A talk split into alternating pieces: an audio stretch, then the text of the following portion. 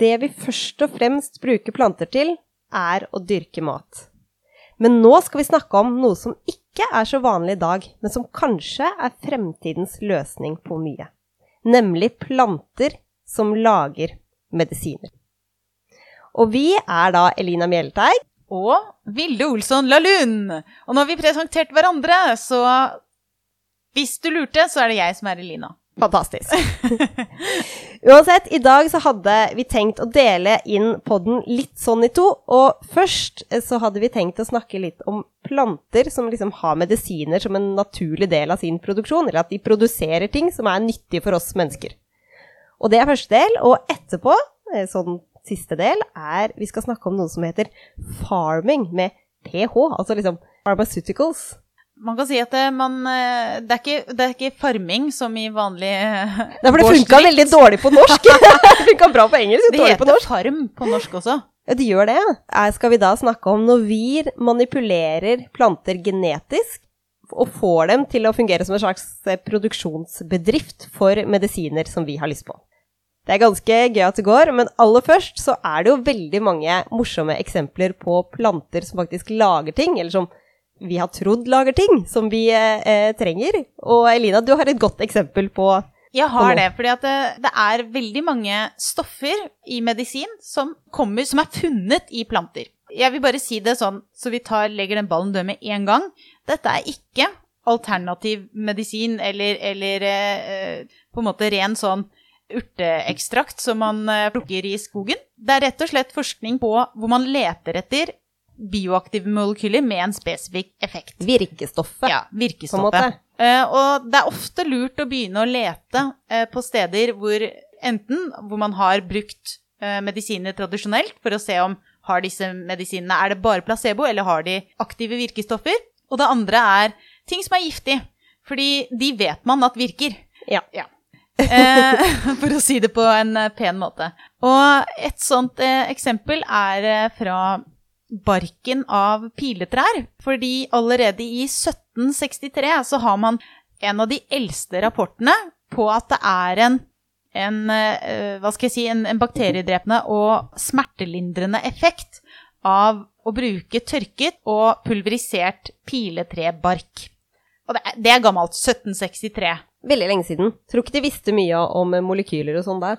Nei. Og de, jeg tror ikke de egentlig visste så mye om placeboeffekt heller. Mm. Så jeg tipper at de ikke har hatt med noen, eh, noen Kontrollmennesker. Nei, fordi det drev de ikke med den gangen. Men de hadde allikevel eh, Her var det en, en lege som rett og slett bare noterte ned det, at det, dette funka, så ut til å funke. Og så har man jo i nyere tid undersøkt og funnet ut at den barken fra pilletre, den inneholder et eh, såkalt pro-drug, altså et stoff som heter salicin, som da blir omdannet i kroppen til, til ting som virker, som, eh, som vi kaller for acetylsalicylsyre på norsk. Acetylsalicylsyre. Har du et enklere navn på det? Ja, aspirin. Nei, så gøy! Så det er det du det Som jeg kan spise bark og få aspirin? Er det det som er eh, greia? Bare liksom hold fast i den tanken, Ja. ok? Så man fant dette stoffet i piletrebark, og så laget man aspirin. Og så, og så er aspirin et utmerket eh, smertestillende og febernedsettende stoff. Ja, for det bruker vi jo mye Det bruker den dag i dag. Og da er det sånn at hvis du tar en eh, dose aspirin, så, så kan det være opptil tre gram. Ja. Det, det kan være ganske store doser, Mm. rett og slett. Er det sånn anbefalt eh, gram på pakningsvedlegget som du eh, Jeg tipper at det står milligram, Ja. men det er i hvert fall La oss si at det er opptil mm, den størrelsesorden. Som man får i seg når man tar en aspirindose? Ja. ja. ja.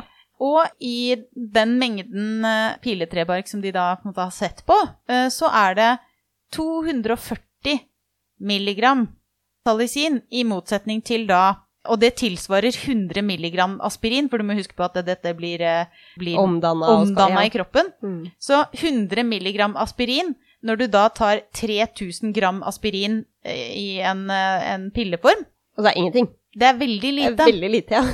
Så det betyr at du, du må få i deg fryktelig mye bark. Og dette her er rett og slett Dette er en, en forskningsartikkel fra eh, 2011, hvor de har sett spesifikt på dette og undersøkt kan du bruke piletrebark. Er det i det hele tatt mulig i moderne medisin? Kunne du liksom gjort det? Og svaret er nei! Det kan du ikke. For det er for lite. Det er for lite. Det er for lite aspirin. Men allikevel så ser de at ok, men det har, en, det har til en viss grad en smertelindrende effekt. Allikevel. Ok. Og- det er andre ting i barken, da. Yes. Så det de har sett på, er at det er rett og slett en god del andre stoffer som virker sammen, som vi ikke har kontroll på, eh, men som har noen av de samme effektene. Og det er, her er det på en måte litt, litt sånn mer forskning trengs, fordi i, la oss si et eple, da, så kan det være opptil 2000 forskjellige stoffer. Så hvis, hvis man finner ut at ett av de stoffene som er vanlig i f.eks. eplekjerner, som er blåsyre, eh, det er Mm. supergiftig. Blåsyre, ja. Ja. Det fins i veldig små eh, mengder i, i enkelte eplekjernesorter. Burde man ikke spise hele epleskrotten da, eller har det er det så lite at det ikke har noe å si? Jeg skal innrømme det, at jeg pleier av og til å spise skrotten. Er du, er, er du en av de? Jeg føler at verden kan deles inn i to. Og det er de som gjør det, og de som bare ser på de som gjør det, og tenker sånn herregud, du er gæren. Ja, ok, nå ser jeg på blikket ditt at du tenker at jeg er gæren. Ja, Og jeg vet jo at det er blåsyre i Eller kan være det, da da. er du i hvert fall gæren. Ja, Poenget er at i et eple så kan det være opptil 2000 forskjellige stoffer, ikke sant? Og så, og så la oss si at du har med en kjernespiser å gjøre, da. Og så hvis vedkommende blir syk etter å ha spist et eple, så er det ikke sikkert at det er eh, blåsyren. Må måte, da må du gjøre en ganske nøye analyse av hva det er. Og så er det ikke sikkert at det er ett stoff. Det kan være ting som virker sammen. Kombinasjon, Kombinasjonen. måte. Ja. Så det at, det at man nå har funnet ut at det er faktisk ikke nok aspirin i piletrebark til å gi en smertelindrende effekt I seg selv, liksom. i seg selv, Mm. det betyr ikke at vi liksom kan peke på ett av de massevis av andre stoffene og si da er det det. Fordi Nei. det er ikke sånn det funker. Så da må man på en måte man må gjøre en ganske mye grundigere undersøkelse. Mm. Og for å komplisere det hele, så er, hvis det er stoffer som da virker sammen, så kan det her fort uh, ta litt tid å finne ut av. Så Mm. man kan jo kanskje si at det var flaks at de fant aspirin som et stoff i utgangspunktet. Og liksom at de klarte å peke ut riktig Ja, for det var egentlig ikke den i seg selv som ga den effekten man Ikke ville ha, på en måte. Men så har man allikevel Mm. da klart å finne ut at ok, men i større doser enn det som er i barken, så kan man allikevel lage en, en medisin som har den ønskede effekten, da. Men da er det vel masse potensial i den barken til å finne liksom tilleggsmedisiner for enda bedre smertestillende og febernedsettende ting. Det er akkurat det. Eh, Så, så de fortsetter jo å undersøke det for å finne ut hva er det som, som var den eksakte tingen. Men her tror jeg kanskje at det, man må si at mer forskning uh, trengs. Fordi de har ikke, i hvert fall ikke i denne artikkelen, pekt på liksom oppfølgeren da, i, til aspirin. Ja, hva, hva mer de kan bruke. Nettopp. Men det er kjempespennende.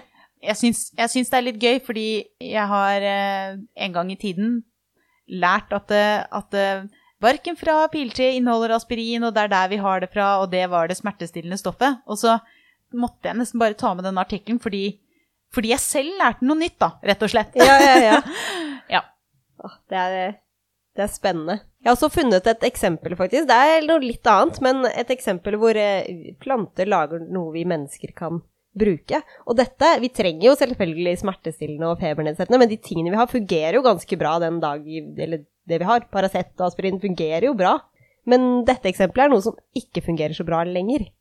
Oi. Vil du gjette? Ja, um, blodlating, holdt jeg på å si. Altså sånn Blodfortynnende? Ja, nei, jeg mener sånn eh, åre, årelating. Nei. For det, har vi jo, men- det har vi jo stoppa med. Ja. Nei, så det var ikke det. det er, jeg skal til antibiotika. Å ja, selvfølgelig!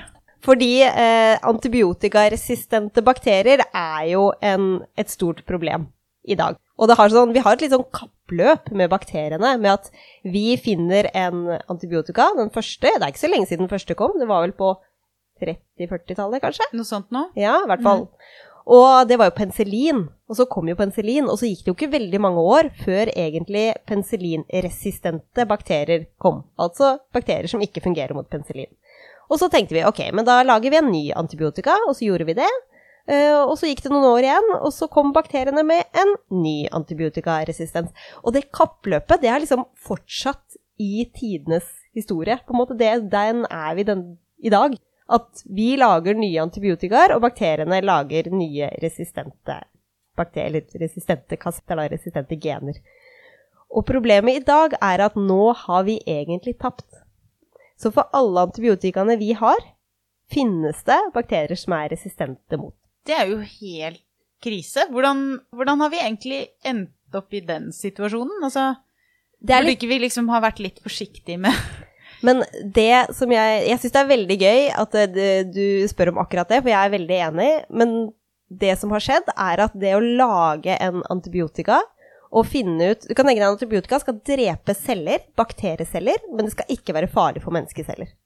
Så du må jo finne ting som egentlig går veldig spesifikt på, på, bare bakterieting. Altså bare bakterieproteiner, eller bare bakteriestrukturer, eller bare bakterie... Så det kan ikke være sånn generelt 'dette dreper alle celler'. Det må være Fordi sånn sett så er det mye hyggeligere å lete i planter. Liksom bare 'Dette er giftig', da dreper du bakterier. Og kanskje andre ting òg. Ja.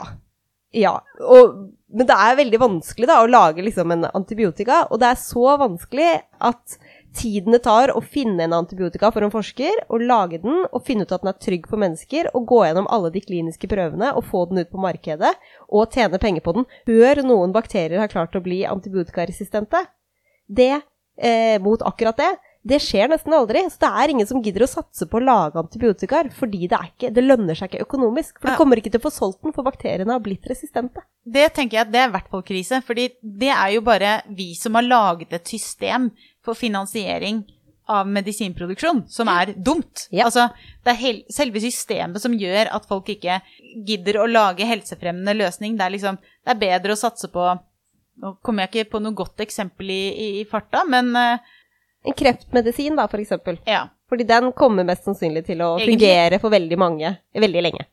Eller enda bedre, noe liksom forkjølelsesmedisin. Ja. Fordi mm. nesten alle er forkjøla kanskje én gang i året. Så det er en medisin som du er liksom garantert å få solgt. Ja.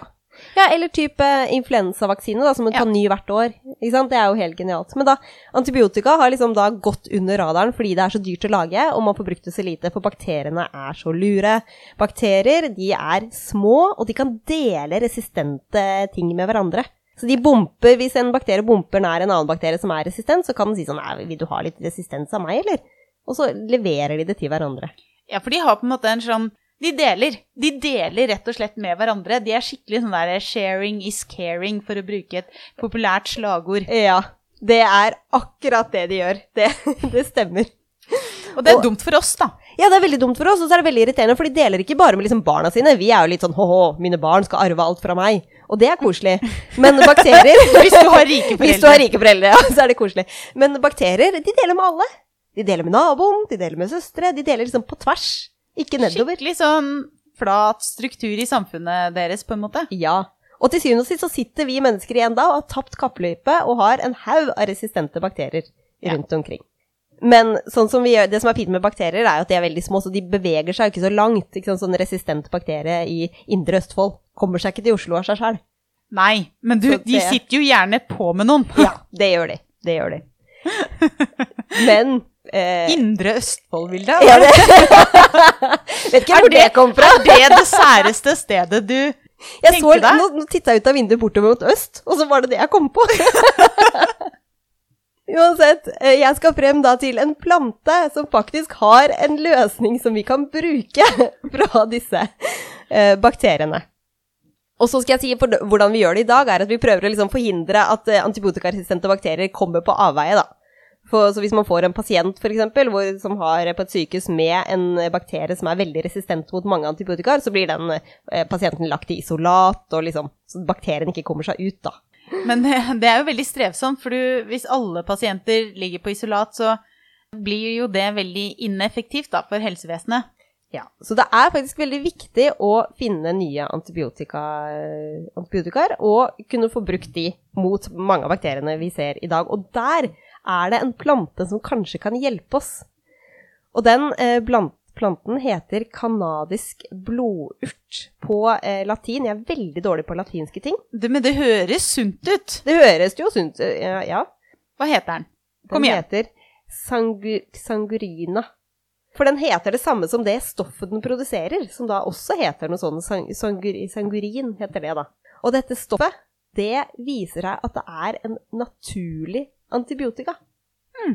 For det eh, dette stoffet gjør, den forhindrer at bakterien kan dele seg. Men det er jo kjempesmart. Det er kjempesmart, fordi bakterier de deler seg ved at du har én bakterie, og så liksom bare deler den seg i to, og akkurat når den skal gå fra én til to bakterier, så må det liksom klippes av mellom de to bakteriene. Og det skjer ved at det dannes en slags ring akkurat der hvor det skal klippes, og så presser den ringen litt sånn på, og så klippes bakteriene av på en veldig Dette var en veldig rar måte å forklare det på, men Hvis du har en eh, avlang ballong, og så bare vrir du til den ballongen har delt seg i to på midten, på en måte. Ja, litt sånn, ja. Og det lages liksom en slags ring, da. Som dannes akkurat der hvor denne, denne vriballongen skal skje. Og den ringen, dannelsen av den ringen, som da er helt viktig for at bakterier skal kunne dele seg, den fungerer ikke når dette stoffet fra planten kommer. Det er egentlig en eh, slags antibiotika som forhindrer celledeling da, av bakterien. Og det er jo på en måte greit, for da dreper du jo heller ikke bakterien. Du bare sier at ok, den kan ikke dele seg.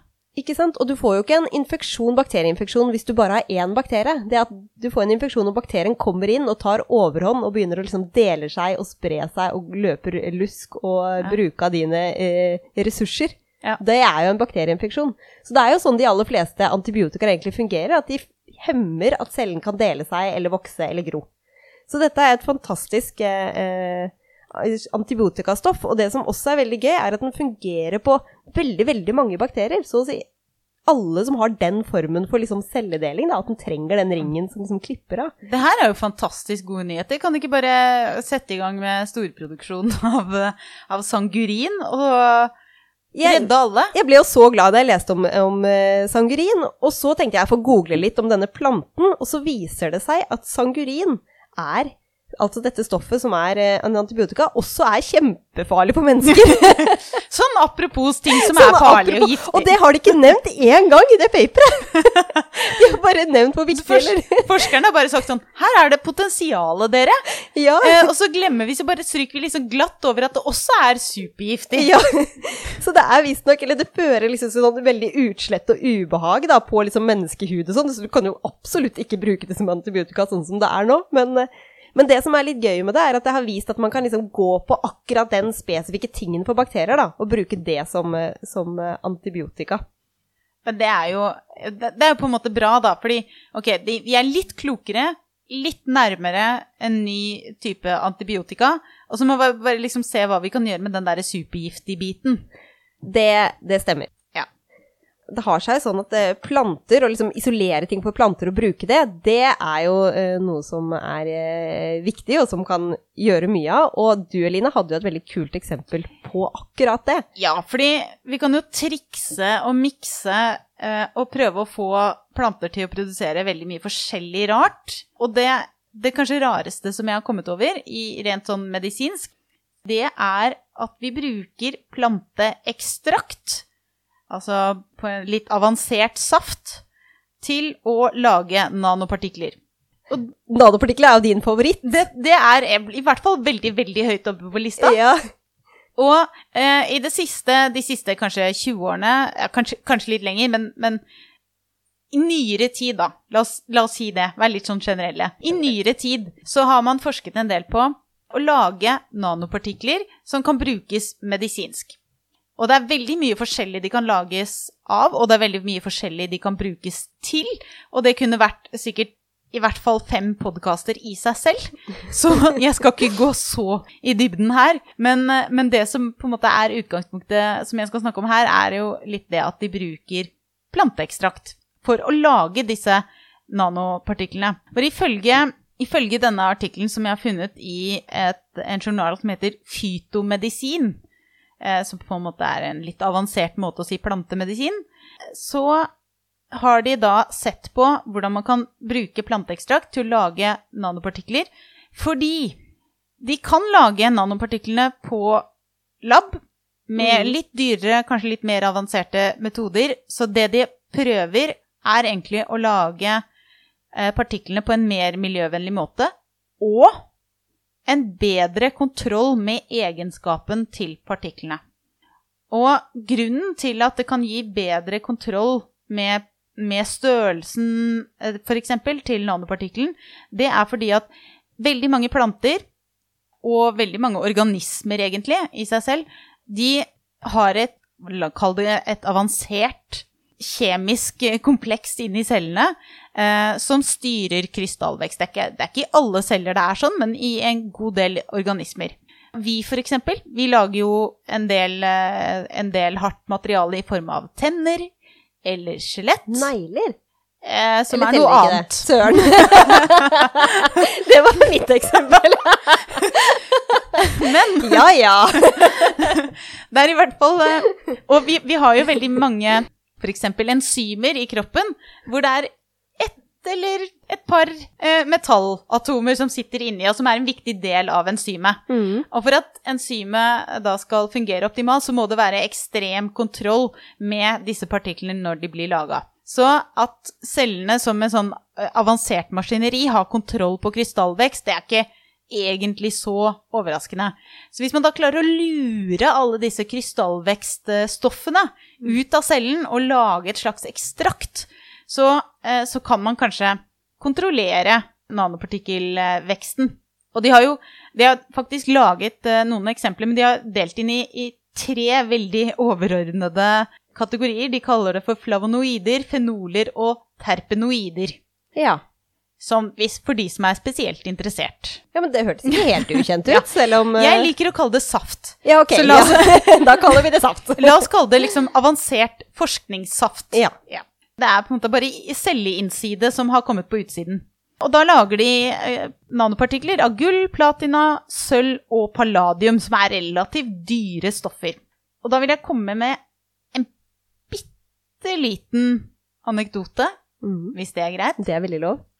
Har du hørt om sølvnanopartikler? Nei. Nå skal du få høre om sølvnanopartikler. Sølvnanopartikler har fått seg et eh, visst rykte. Tidlig så oppdaget man i sølvnanopartikkelforskningen at eh, disse har fantastiske antibakterielle egenskaper. De dreper bakterier. Ikke som antibiotika, men, men de har en veldig bakteriedrepende effekt. Ja. Litt fordi det er eh, reaktivt og delvis bitte lite grann giftig. Men det er, ikke så, det er ikke like giftig for oss som for bakteriene. La oss bare si det på den måten. Da. Ok, det er bra.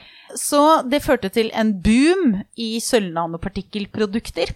Ja. F.eks. vaskemiddel, som gjør at du kan vaske sportstøy på lav temperatur uten at det blir lukt, fordi det dreper bakterier. Ja.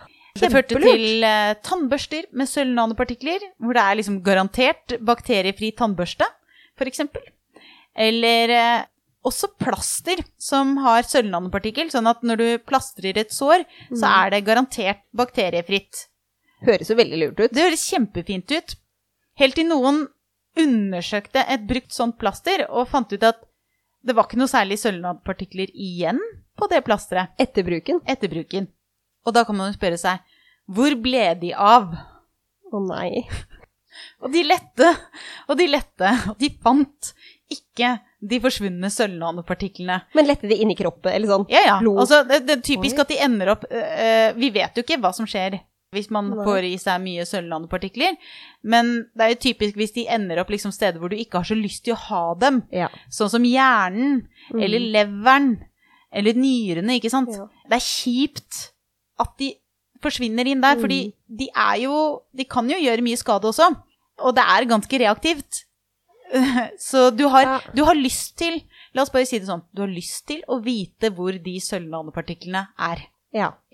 Så de produktene de forsvant fra markedet igjen.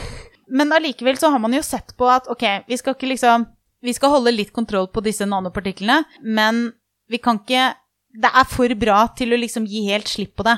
Vi må Mm. fortsette å forske litt og se om er det Vi må ha litt kontroll på hvor de ender opp med, men vi har jo et lite bakterie- og antibiotikaresistensproblem, så det er jo greit å ha en liksom backup. Vi trenger ting. Ja, vi Ja. trenger ting. Og, og hadde de blitt igjen på plasteret, hadde det vært helt perfekt. Det ville jo vært kjempefint, så hvis du klarer å lage et plaster hvor sølvnanopartiklene sitter helt fast, Ja, så det ikke forsvinner inn i det er det utmerket. fremmede, ja. Uansett, da. Poenget er at det, det de har forsket på her, er jo forskjellige måter å produsere disse nanopartiklene på, hvor de kan, vi kan ha mer kontroll. Og da har de brukt masse forskjellige morsomme planter. Så jeg har laget en liten, lite utdrag da, av ting som jeg syns var gøy. Altså For eksempel så har de laget triangulære gullnanopartikler og sfæriske gullnanopartikler med aloe vera-ekstrakt. Det tror jeg kanskje jeg syns var noe av det morsomste.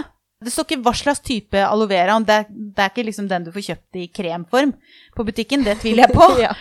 Men uh, at aloe vera har en slags effekt da, på, på form og funksjons på gullnadpartikler, det syns jeg er litt gøy Mm. i seg selv. Det er en, eh, den annen plante som jeg ikke fant noe norsk navn på, men den heter barb, uh, barbated scallop på engelsk. Og det er en urt hvor de har klart å lage en gullnanopartikkelvariant på bare tre timer. Og det er jo morsomt. Mm. Og så har du en eh, Dette er kanskje det morsomste, for her har du brukt kryddernellik. Det er en, eh, en urt som jeg vanligvis forbinder med jul. ja. Og da har de brukt den til å lage gullnanokrystaller ved hjelp av tørket kryddernellik. Så det er faktisk liksom krydderet vi får kjøpt på butikken. Og så har de brukt eh, forskjellige flanoider eh, fra kryddernelliken. Og egentlig en sånn annen stabiliserings...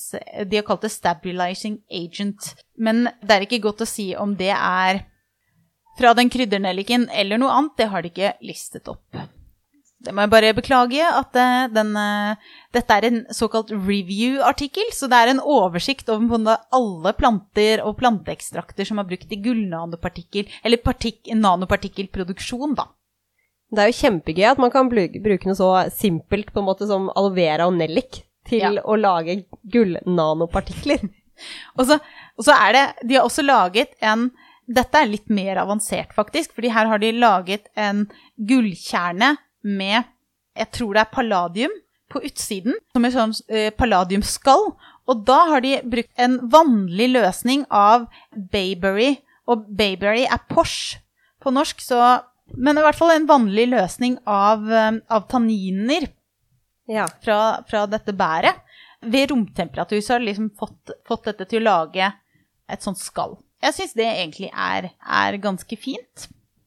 Og så er det jo De har jo et slags håp, da, om at en del av disse stoffene Fordi en del av disse stoffene er jo bioaktive, så de håper at det kanskje kan bidra til at disse nanopartiklene vil være ekstra bakteriedrepende. Mm. Fordi at det er ikke helt utenkelig at en del av disse stoffene kanskje blir igjen rundt nanopartikkelen. At de, de vil dekke nanopartikkelen på en eller annen måte. Mm. Og det kan jo være ønskelig hvis du eh, Hvis du ønsker eh, ja, noe bakteriedrepende. Så har du en, eh, en annen favoritt, da. Vi skal tilbake til banan. Oi, banan, det liker vi. Eh, fordi da har man eh, funnet eh, stoffer som har antisoppaktivitet i en bananekstrakt. Og jeg tror kanskje ikke det er den typen banan vi spiser, det er en, en annen variant. Men det er den bananvarianten som heter paradisiaca. Men der har du i hvert fall klart å lage sølvnanopartikler som er effektive mot følgende ting som vi ikke liker. Candida albicans, en kjent uh, sopp som uh, både trives i underlivet og mellom tærne. Ja. Du har en sopp som heter Candina lipolytica, som jeg ikke vet noen ting om. Uh, Det er sikkert bra for meg. De har funnet sølvnanopartikler som da virker mot E. coli, shigell, klebsiella og enterobacter arogens. ja. Så det var ikke lite på listen over hva banan Kan Kan- hjelpe oss med. Jeg syns det er kjempefint. Det er gøy.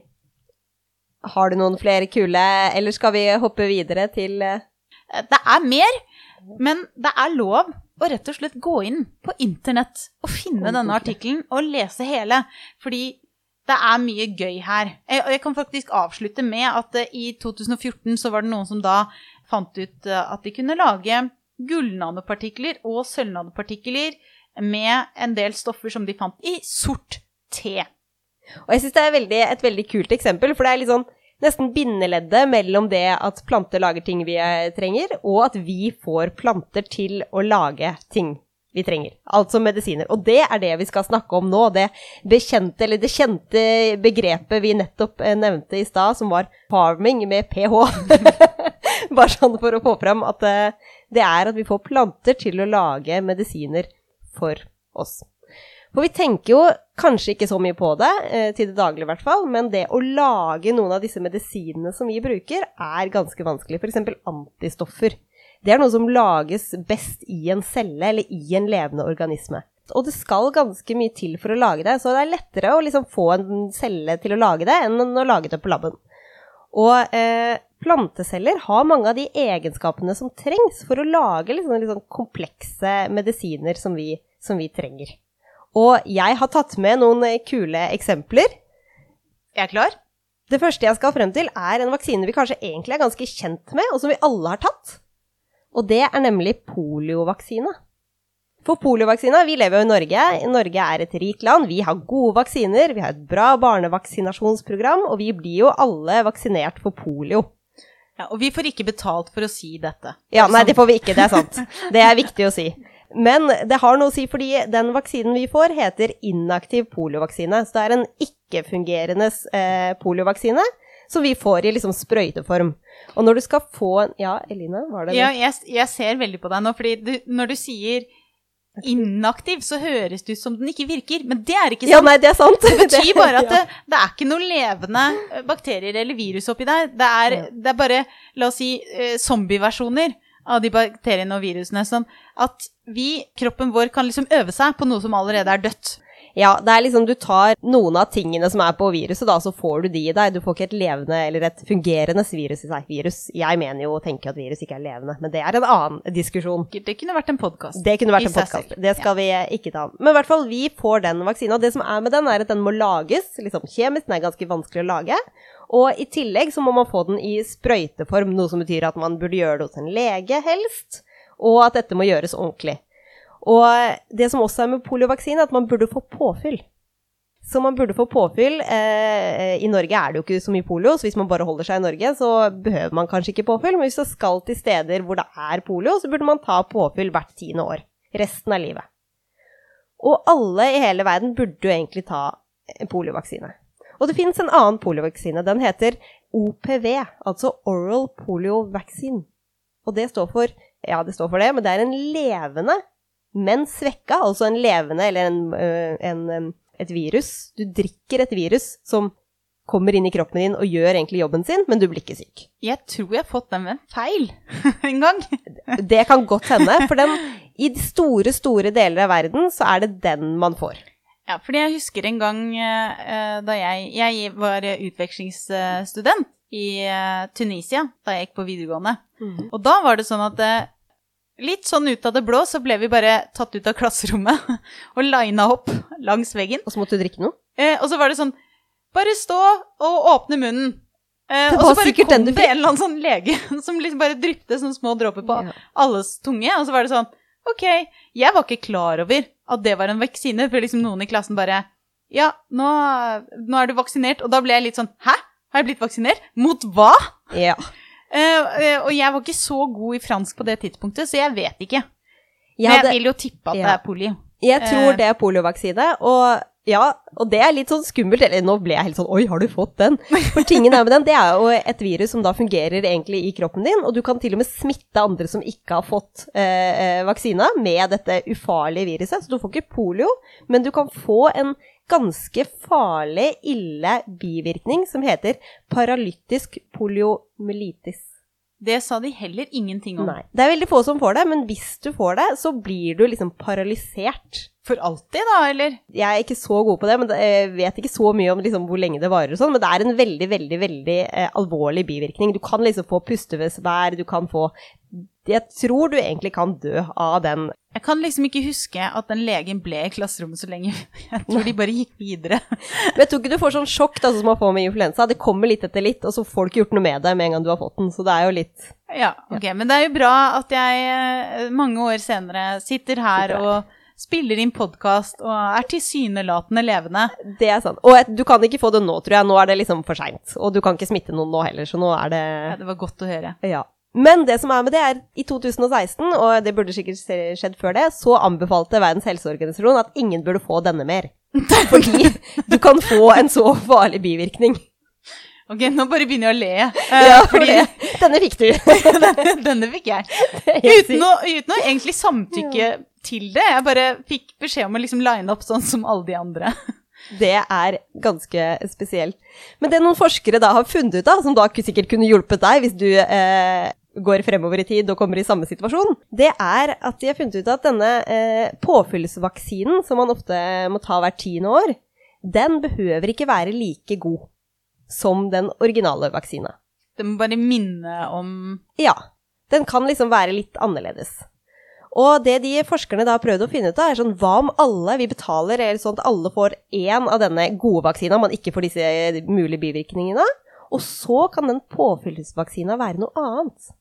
Og det dette noe annet skal være, er De har da prøvd å lage denne alternative påfyllsvaksina i klorofylle til salat.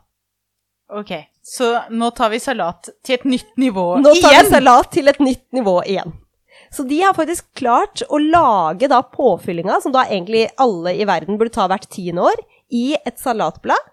Og de hadde noen kriterier. Kriterium nummer én var at det ikke skulle være en vaksine som du liksom må ta med sprøyteform, for da må du egentlig til en helsestasjon, og du må Det er det som er så bra med den eh, oral, den som du bare kan spise. Mm. Så det må være en spiselig vaksine. Og så må den være lett og billig å lage, og enkel å liksom gi ut til folk hvert tiende år. For da kan man kanskje mange land klare å spandere på liksom én dose av den dyre vaksina, hvis de vet at man alltid får en billig påfyllsvaksine i hvert tiende år i all overskuelig fremtid etter det. Det er jo kjempelurt. Så de kl- faktisk, dette var et paper som kom ut i eh, 2016, eh, nei 2019 av Daniel et al., og de har da klart å uttrykke og lage påfyllsvaksine i kloroplasten til salat. Og de har til og med testa, de har gjort masse tester for å funnet om det fungerer som det skal, og de har testa liksom salatekstrakt, for, for mus spiser visstnok ikke salat. Så der måtte de liksom ta ut salatekstrakt, salatsaft, som du sa, som da Ja. inneholder dette tingene, og sprøyte det inn i musa, og de musene som da fikk dette som påfyllsvaksine, fungerte det på. Ja, for da, fikk de, da ble de utsatt for polio etterpå, bare for å liksom se om de Ja. Ja, eller de testa liksom hvor mye sånne eh, forsvarsmekanismer de hadde mot polio da i ettertid. Ja. Og de musene som da hadde fått én ordentlig vaksine, og så masse sånn salatpåfyllsvaksiner, de var mye, mye bedre til å forsvare seg, eller hadde mye mer av forsvarsmekanismen i seg, enn de eh, som ikke hadde fått det. Men det er jo kjempesmart. Da er det jo bare å, det jo bare å sette i gang og spise Det er akkurat det. Så, eh, vaksinesalat. så de har fått da planten til å lage en vaksine, og det skal være en spiselig vaksine som de kan gro eh, overalt Jeg håper ikke vi får sånne der salatskeptikere. i fremtiden. Det er jo litt dumt, da. Uh, hvis, man, hvis det er liksom konsekventene. Men jeg tenker, jeg tenker jo at dette er superlurt.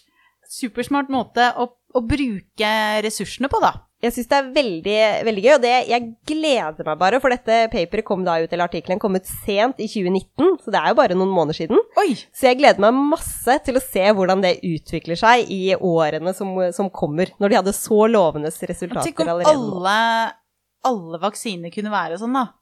At det er liksom bare sånn Du går på en helsestasjon, og så får du liksom litt, litt spennende fruktsalat. Åh, det hadde vært helt fantastisk. Ja, så er det sånn Ja, nei, her er det polio, stivkrampe og gul feber.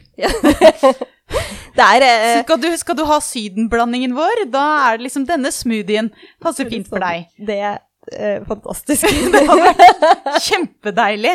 ja, det er godt å se at verden går fremover. Og jeg har enda et vaksineeksempel som jeg har lyst til å ta opp. Siste eksempelet. Kjør på. Er du klar? Ja, Jeg er kjempeklar. Hva syns du om ebola? Det er kanskje først og fremst skremmende, tror jeg er det mest passende ordet. Det er. Det er jo et virus som veldig, veldig mange blir veldig, veldig syke av hvis de får. Ja. Så det er jo et veldig farlig virus. Og ebola identifiserte man faktisk i 1976. Men mange, i hvert fall vi i den yngre, yngre garde, hvis man kan si det, eh, tenker jo kanskje mest på det utbruddet av ebola som var i 2014, når Ja. vi liksom tenker på, på ebola som et virus. Men når da dette utbruddet kom i 2014, så ble det jo veldig raskt behov for medisiner eller vaksiner som faktisk da tar ebola. Og det var en, en, medisin som noen pasienter fikk. Det var faktisk syv eh, pasienter som fikk denne medisinen før den var egentlig prøvd ordentlig og testa som den skulle.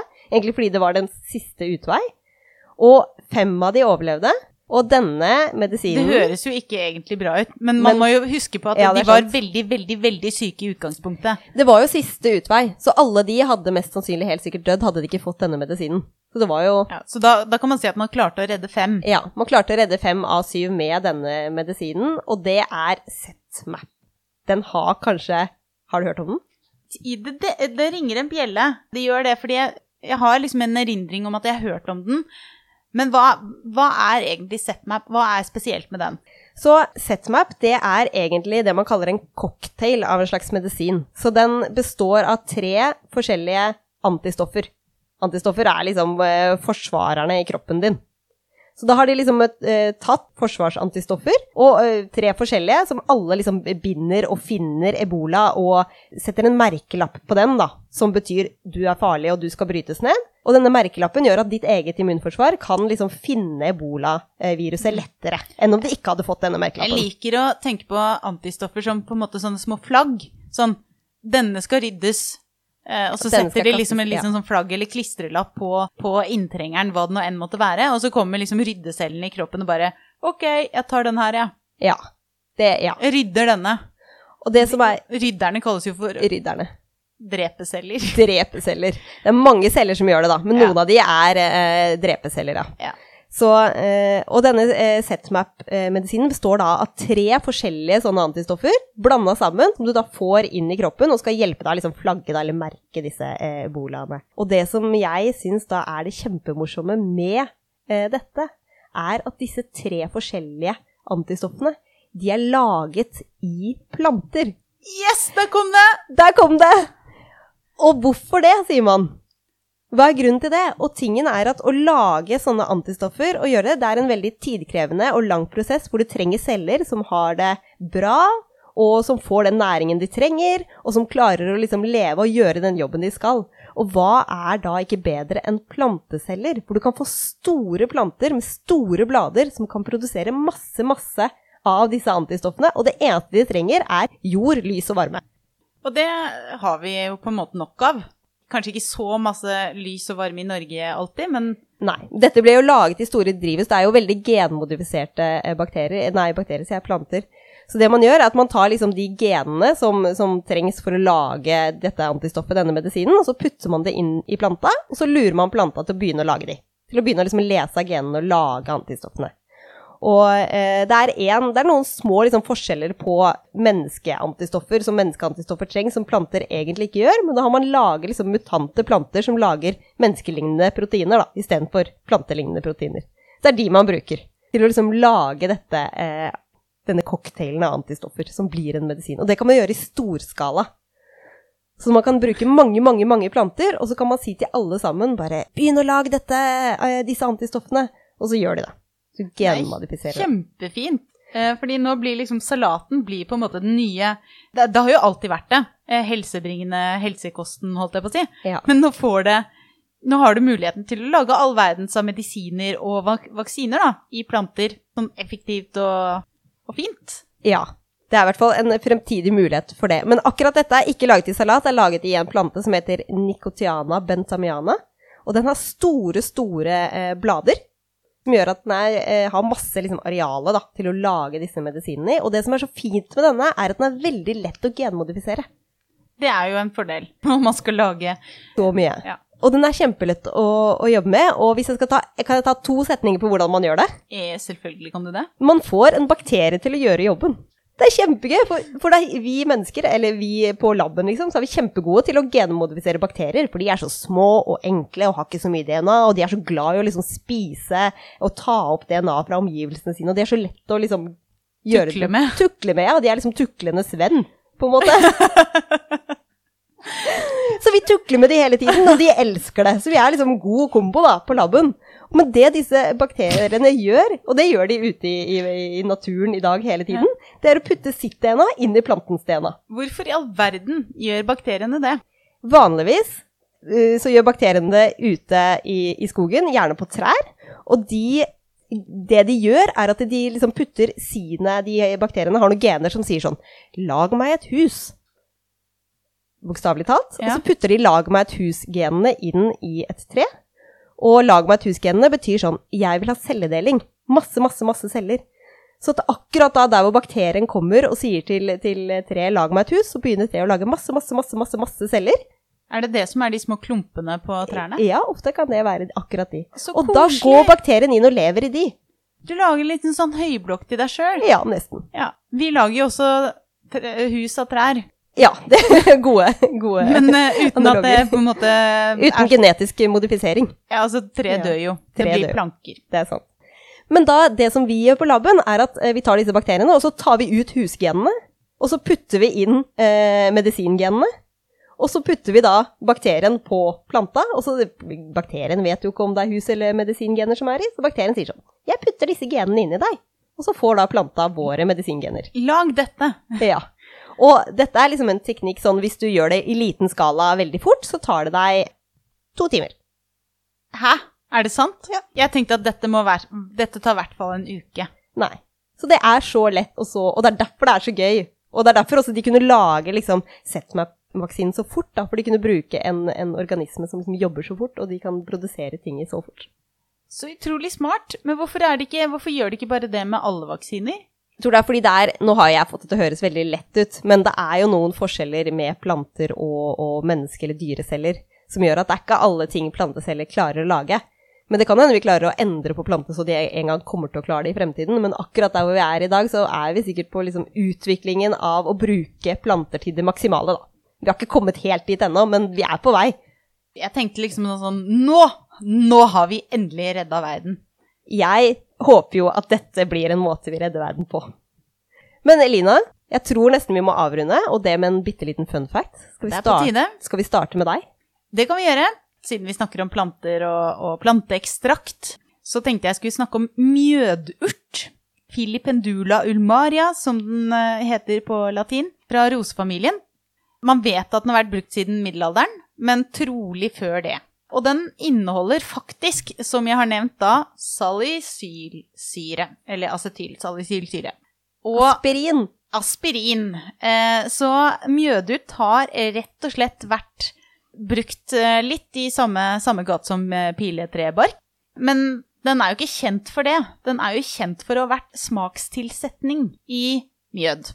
Men dette er helt genialt. Det betyr at de som drakk mjød, de drakk både og tok liksom hangover-kuren. Yes! Likt! Yes!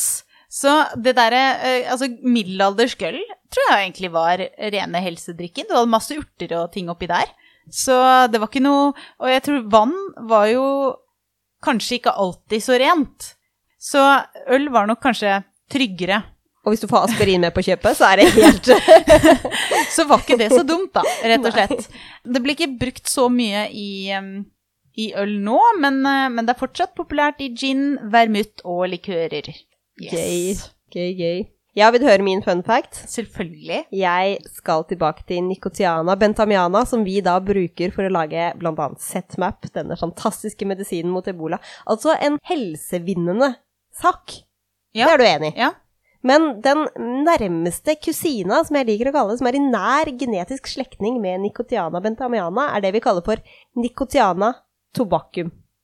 Som da er den planten, kultivaren, vi bruker for å lage tobakk. altså det vi røyker. ja. Så det er på en måte Men det viser i hvert fall diversiteten innenfor planteverden. Det gjør det. Det tror jeg vi kan si. Og at planter er nyttig til mer enn bare mat. Fantastisk. Og med det så tror jeg vi bare takker for oss. Vi ses igjen, eller hø vi høres. Vi høres igjen. Ha det bra. Ha det bra.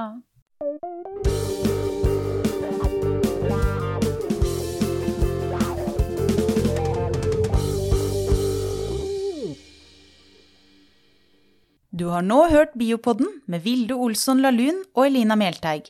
Og med på laget har vi også Torborg Galtland, daglig leder i Norsk biologforening. Denne episoden av Biopodden er laget i samarbeid med Tidsskriftforeningen, med midler fra Fritt Ord. Podkasten utgis av tidsskriftet Biolog, som eies av Norsk biologforening. Musikken du hørte, er laget av biologibandet Overgump, som består av Even Sletteng Garvang, Markus Fjelle, Erik Møller, Mathias Kirkeby og Audun Rugstad. Fortell gjerne om podkasten til venner og kjente, og gi oss tips og tilbakemeldinger på e-posten biopodden alfakrøllbio.no. Og hvis du vil støtte oss, så er du hjertelig velkommen som medlem av Norsk biologforening. Vi høres!